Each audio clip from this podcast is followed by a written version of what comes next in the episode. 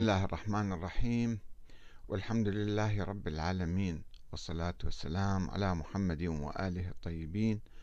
ثم السلام عليكم أيها الأخوة الكرام ورحمة الله وبركاته. لنقرأ القرآن الكريم بلا خلفيات فكرية مسبقة أو تأويله بصورة تعسفية. آية التبليغ نموذجا. كما تعرفون لقد نشأت في عائلة شيعية متدينة تعيش في كربلاء. وتؤمن بنظرية الإمامة الإلهية لأهل البيت والمذهب الاثنى عشري ودخلت الحوزة العلمية الشيعية في أيامي الأولى بعد الابتدائية يعني أو حتى عندما كنت في الابتدائية كنت أدرس دروس آه، حوزوية. وذلك لأتشبع بالفكر الإمامي وأكون داعية لهذا الفكر. وقد كتبت قبل حوالي خمسين عاما كتابا تحت عنوان عشرة ناقص واحد يساوي صفر في إشارة إلى موضوع الولاية والإمامة وأهميتها في الدين الإسلامي. بحيث إذا حذفنا الولاية فلن يبقى شيء من الدين. ووضعت هذه الآية على غلاف ذلك الكتاب. الذي طبع عدة طبعات آه، منذ 1973 في بيروت والكويت وطهران وغيرها. وهذه الآية يا أيها الرسول بلغ ما أنزل إليك من ربك وإن لم تفعل فما بلغت رسالته. والله يعصمك من الناس. إن الله لا يهدي القوم الكافرين. المائدة آية 67 وقلت في ذلك الكتاب الذي كان يقلد الفكر الإمامي الرائج في ذلك الزمان في أوساط المؤمنين في كربلاء والعالم الشيعي الإمامي الاثني عشر عموما. بأن الله تعالى قد أمر نبيه الكريم بأن يبلغ أمر ولاية الإمام علي من بعده. بلغ ما أنزل إليك من ربك يعني في الولاية في الإمامة. وأن هذه الآية قد نزلت في أثناء العودة من حجة الوداع. عند غدير آه، خم. فقام النبي بجمع المسلمين وتبليغهم بأمر ولاية علي وقال من كنت مولاه فهذا علي مولاه. وهنا نزلت الآية التالية اليوم اليوم أكملت لكم دينكم وأتممت عليكم نعمتي ورضيت لكم الإسلام دينا. المائدة آية ستة. يعني الآية جتي بعد تلك الآية آية التبليغ.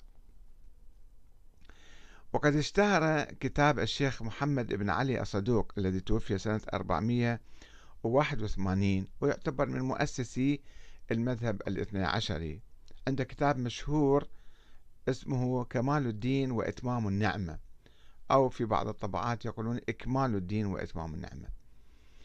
آه الذي يتحدث عن مضمون الأمر الذي هدد الله نبيه بوجوب تبليغه للناس أي الولاية. وإن لم تفعل فما بلغت رسالته.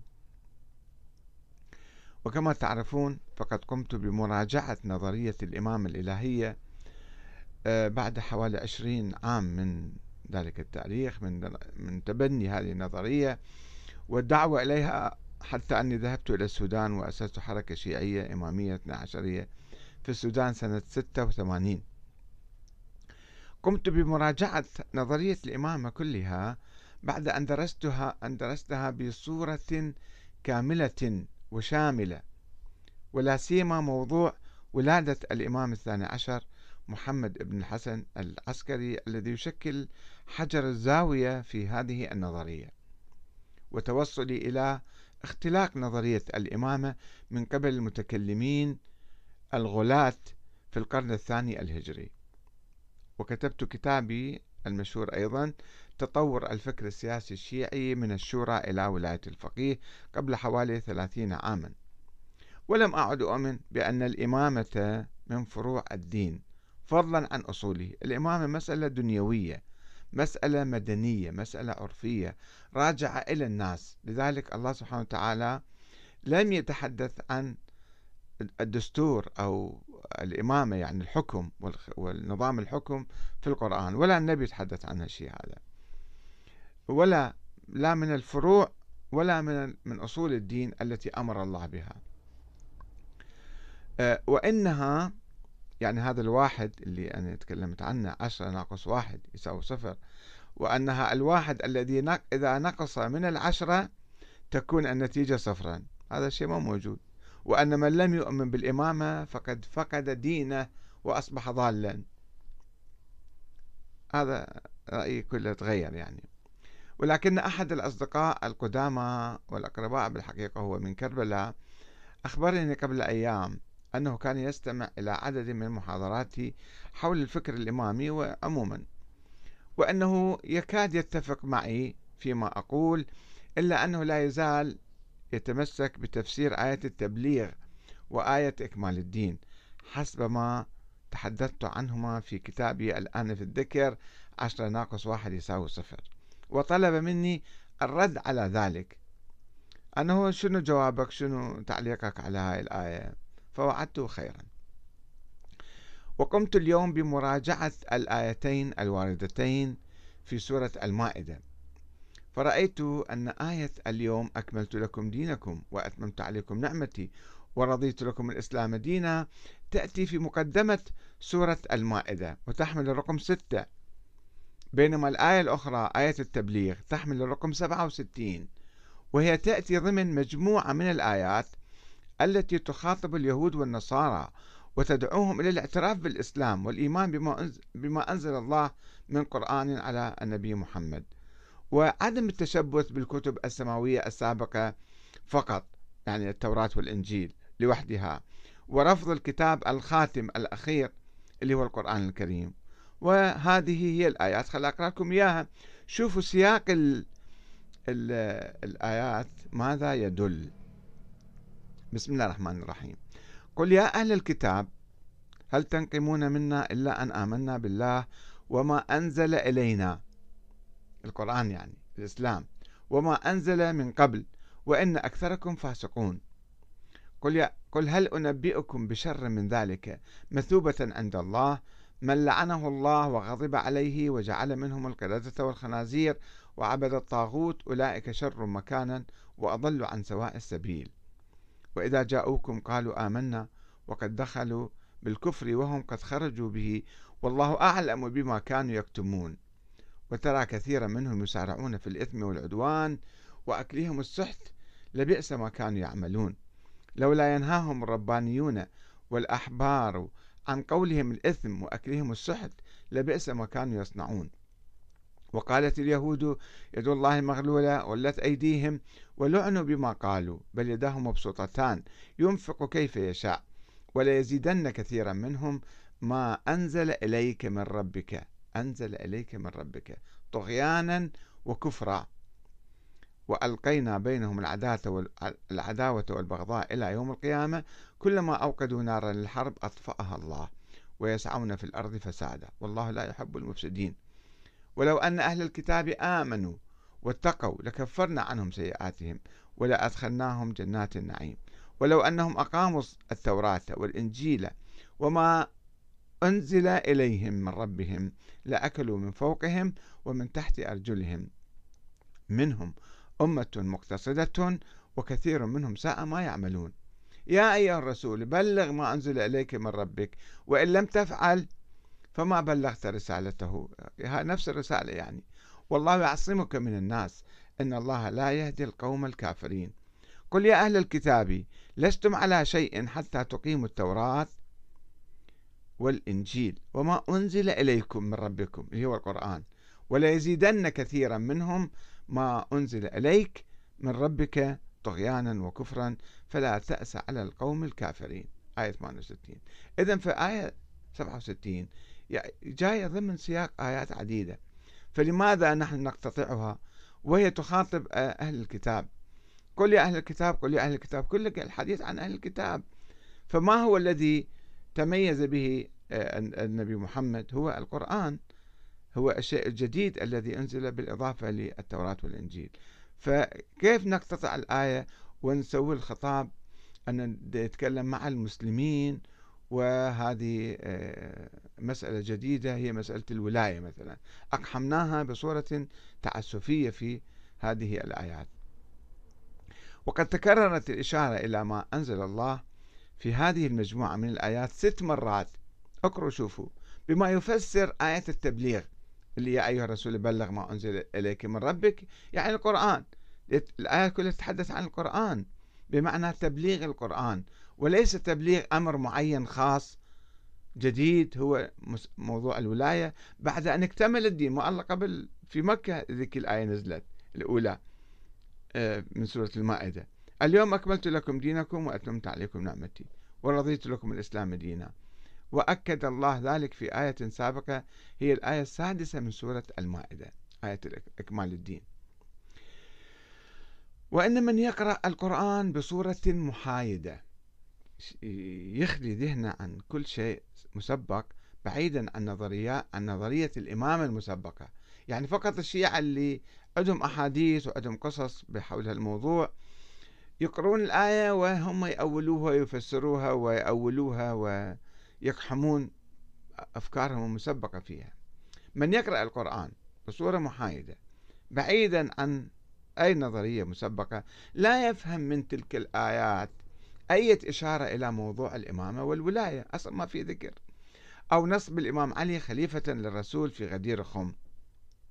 ولا سيما بأن القرآن الكريم لا يتحدث مطلقا عن موضوع الدستور ونظام الحكم بعد النبي إلى يوم القيامة.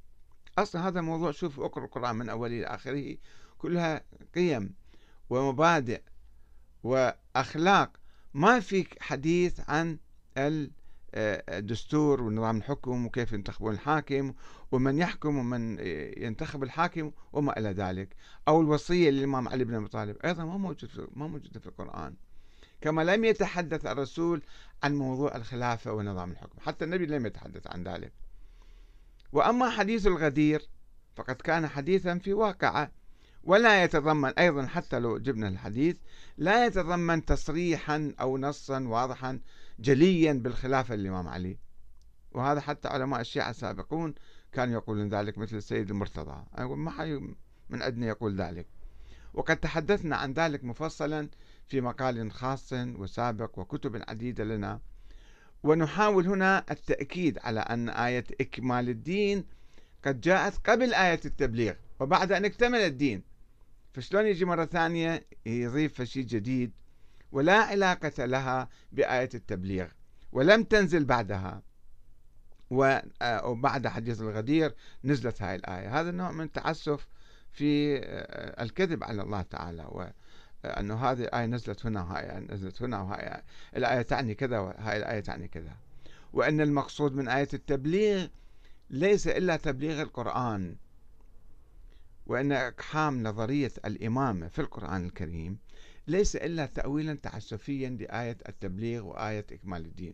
ومحاولة لاتباع المتشابه الذي نهى الله عنه في الآية السابعة من سورة آل عمران. هو الذي أنزل عليك الكتاب منه آيات محكمات هن أم الكتاب وأخر متشابهات. فأما الذين في قلوبهم زيغ فيتبعون ما تشابه منه ابتغاء الفتنة وابتغاء تأويله وما يعلم تأويله إلا الله. والراسخون في العلم يقولون آمنا به كل من عند ربنا وما يذكر إلا أولي الألباب. يعني هناك كلام حول ما هو المحكم وما هي الآيات المتشابهة. هي الآيات الغامضة في القرآن أو الآيات التي لا يفهمها الناس. آه، المهم نستخلص من هذه الآية أنه يعني نوع من التأويل الآيات بصورة تعسفية من أجل استنتاج نظريات معينة ونظريات واهية نظريات مثالية خيالية منقرضة أيضا. أن الإمامة أو نظام الحكم ليس من أمور الدين وإنما من أمور الدنيا. كما هو اليوم في العالم الإسلامي شوف الحكومات القائمة. هذه الحاكم كيف يأتي وكيف يروح. هاي من الناس يتفقون على ذلك ليس من أمور الدين. آه، وكما فهم ذلك الصحابة الكرام وعلى رأسهم الإمام علي بن أبي طالب عليه السلام الذي قال في الخطبة المعروفة بالشقشقية لولا حضور الحاضر وقيام الحجة بوجود الناصر وما أخذ الله على العلماء ألا يقاروا على كظة ظالم ولا سغى بمظلوم لألقيت حبلها على غاربها ولسقيت آخرها بكأس أولها ولألفيتم دنياكم هذه أزهد عندي من عفطة عنز. لألفيتم دنياكم يعني هاي الخلافة هاي دنيا هاي مسائل دنيوية. ولألفيتم دنياكم هذه أزهد عندي من عفطة عنز. إن نظرية الإمامة الإلهية ونعني بها النصب من قبل الله تعالى عبر رسول الله وعبر الأئمة السابقين اللاحقين تستند إلى حديث الغدير الغامض اللي ما في في 20 تأويل للحديث الغدير. 20 معنى لكلمة المولى المعنى فإذا مو محدد بالإمامة والخلافة. وتأويل القرآن بصورة تعسفية. هذه النظرية لكي تبني نظرية سياسية دينية ممتدا ممتدة عبر الزمان من يوم وفاة رسول الله صلى الله عليه وآله إلى يوم القيامة. تحاول يعني أن تبني هكذا. آه، ولكنها تفتقر إلى الأدلة الواضحة والقوية والمتواترة والصحيحة. وتتهاوى هذه النظرية عند مقارنتها بتاريخ الإمام علي وأبنائه الكرام. فقد رفض الإمام علي الاستجابة لدعوة عمه العباس بعد وفاة رسول الله بمبايعته قال له أمد يدك أبايعك فيقال عم رسول الله بايع ابن عمه فلا يبقى أحد لا يبايعك. الإمام علي رفض. ما كان يعني إذا كان الله موصيه والنبي معينا خليفة كان عليه أن يسارع بسرعة ويستجمع القوى ويفرض نفسه خليفة في مقابل أبو بكر في مقابل السقيفة مثلا. كما رفض دعوة أبي سفيان وهي كلها في المصادر الشيعية وأنا ناقلها كثيرا ما. آه، قال له أبو سفيان أيضا قال له أنا آه، أبايعك وليش هذول تيم جايين ماخذين الحكم من من إحنا بني آه، يعني بني عبد بني عبد المطلب أو بني أمية اللي إحنا أقرباء مع بعض. قال له تعال أنا أساندك وأجيب لك املا أنها عليهم خيلا ورجلا. الإمام علي قال الإمام علي قال له لا روح أنت. ما كنت لا تزال تكيد الإسلام في الجاهلية وفي الإسلام تريد تسوي لك فتنة روح بطل وفضل الإمام علي مبايعة الخلفاء الثلاثة الأوائل واحدا بعد آخر. وعندما قتل عثمان رفض قبول البيعة ثلاثة أيام ومحاصريه ويرفض وقال للثوار إني لكم وزيرا خير لكم مني أميرا. هاي موجودة بنجم البلاغة وعندما ضربه ابن ملجم رفض الإمام الإمام علي العهد بالإمامة إلى ابنه الحسن وقال إني أترككم كما ترككم رسول الله. يقول أنا إحنا سألنا رسول الله فقال نفس الشيء. وقال إذا الله شاف فيكم خير راح يختار لكم واحد. ثم تنازل تنازل الإمام الحسن عن الخلافة لمعاوية بن أبي سفيان. بعد ما بايعه الناس وأصبح خليفة الإمام الحسن راح تنازل بعد ستة أشهر تنازل لمعاوية. فإذا كانت الخلافة أمر من أمور الدين. كيف يجوز للإمام الحسن التنازل عن الإمامة؟ ما يجوز لازم يقاتل حتى النفس الأخير. ولكنها لم تكن من أمور الدين وإنما من أمور الدنيا. مسألة مدنية تقديره اجتهد أنه أفضل يلا خلينا نحل المشكلة. فأين هذه؟ ولم يوصي. الإمام الحسن لم يوصي إلى أخيه الحسين ولم يوصي الحسين إلى أحد من بعده. ما أوصى إلى علم. ما حد من الشيعة يقول أن الإمام الحسين الشيعة الإمامية روحوا ابحثوا وشوفوا. يقولون الإمام الحسين لم يوصي إلى علي بن الحسين إنما أوصى إلى زينب أو أم كلثوم. فإذا فأين هذه النظرية الإلهية القائمة على النص من الإمام السابق للاحق من رسول الله إلى يوم القيامة؟ وأين هي هذا اليوم؟ أين هي نظرية الإمام اليوم؟ ألم تصل إلى طريق المسدود عند من قال بها في القرن الثالث الهجري عندما توفي الحسن العسكري ولم يشر إلى وجود ولد له ولم يتحدث ولا إلى مصير الإمامة من بعده. وراح كتب وصيته بالمحكمة عند القاضي ابن أبي الشوارب وأمواله وكذا تروح لأمه وما ذكر موضوع الإمامة. لذلك مما أوقع الشيعة الإمامية في حيرة. حيرة هي ما انتهت. حيرة مستمرة إلى اليوم عندهم. ما يعرفون شنو صار وين الإمام من هو الإمام كيف الإمام يوجد ويغيب وعمره 1200 سنة. فإذا هي نظرية متهاوية ومنقرضة وبائدة. إحنا ذول الإمامية إجوا ركبوها على آه، آه، أهل البيت وأولوا بذلك بعض الأحاديث حديث الغدير أو بعض آيات القرآن الكريم. بصورة تعسفية حتى يصنعوا نظرية الإمامة المثالية الخيالية الوهمية المنقرضة التي لا وجود لها اليوم ولا يمكن أن نستمر في بها. فإحنا القضية ليست حول شخص الإمام علي. الإمام علي كان له من الفضل الكثير من النبي وكان نفس النبي وكان يعني من أهل بيت النبي وكان مقرب جدا وكان ما يحتاج نتحدث عن الإمام علي. فضائله معروفة يشهد بها الأعداء قبل الأصدقاء. ولكن الكلام عن نظرية الإمامة اللي وصلت إلى طريق المسدود وانتهت. وإحنا نثبت بها حتى اليوم ونعادي الآخرين الذين لم يؤمنوا بها. ونقول الصحابة اغتصبوا حق الإمام علي واغتصبوا الخلافة منه. لم يغتصبوا هذا الناس اتفقوا وهو الإمام علي أيضا اتفق معهم. وانتهى الموضوع قبل 1400 سنة. ونجي اليوم إحنا نتحمس ونعتقد عقائد تضرنا أكثر ما تنفعنا ولا تفيدنا شيئا. مجرد تزرع العداوة والبغضاء في قلوبنا تجاه الآخرين وتجاه الصحابة وتنعكس علينا سلبا. فلنعد إلى القرآن الكريم لنقرأ القرآن الكريم بلا خلفيات مسبقة. ونتأكد من الروايات ومن مضمونها حتى نفهم ماذا جرى في عهد رسول الله صلى الله عليه وسلم وبعد ذلك. والسلام عليكم ورحمة الله وبركاته.